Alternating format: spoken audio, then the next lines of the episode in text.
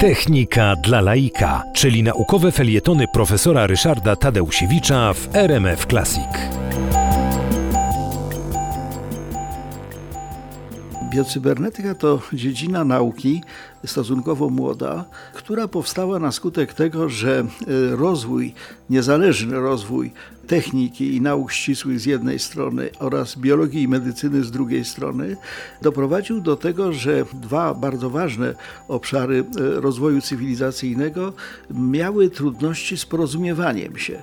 Chodziło o to, że medycy, potrzebując czegoś od techników, mieli trudności ze sformułowaniem i wyrażeniem swoich potrzeb, a z kolei biolodzy y, i medycy traktowani jako źródło inspiracji technicznej też byli dla techników, dla inżynierów, dla fizyków y, trudnym źródłem.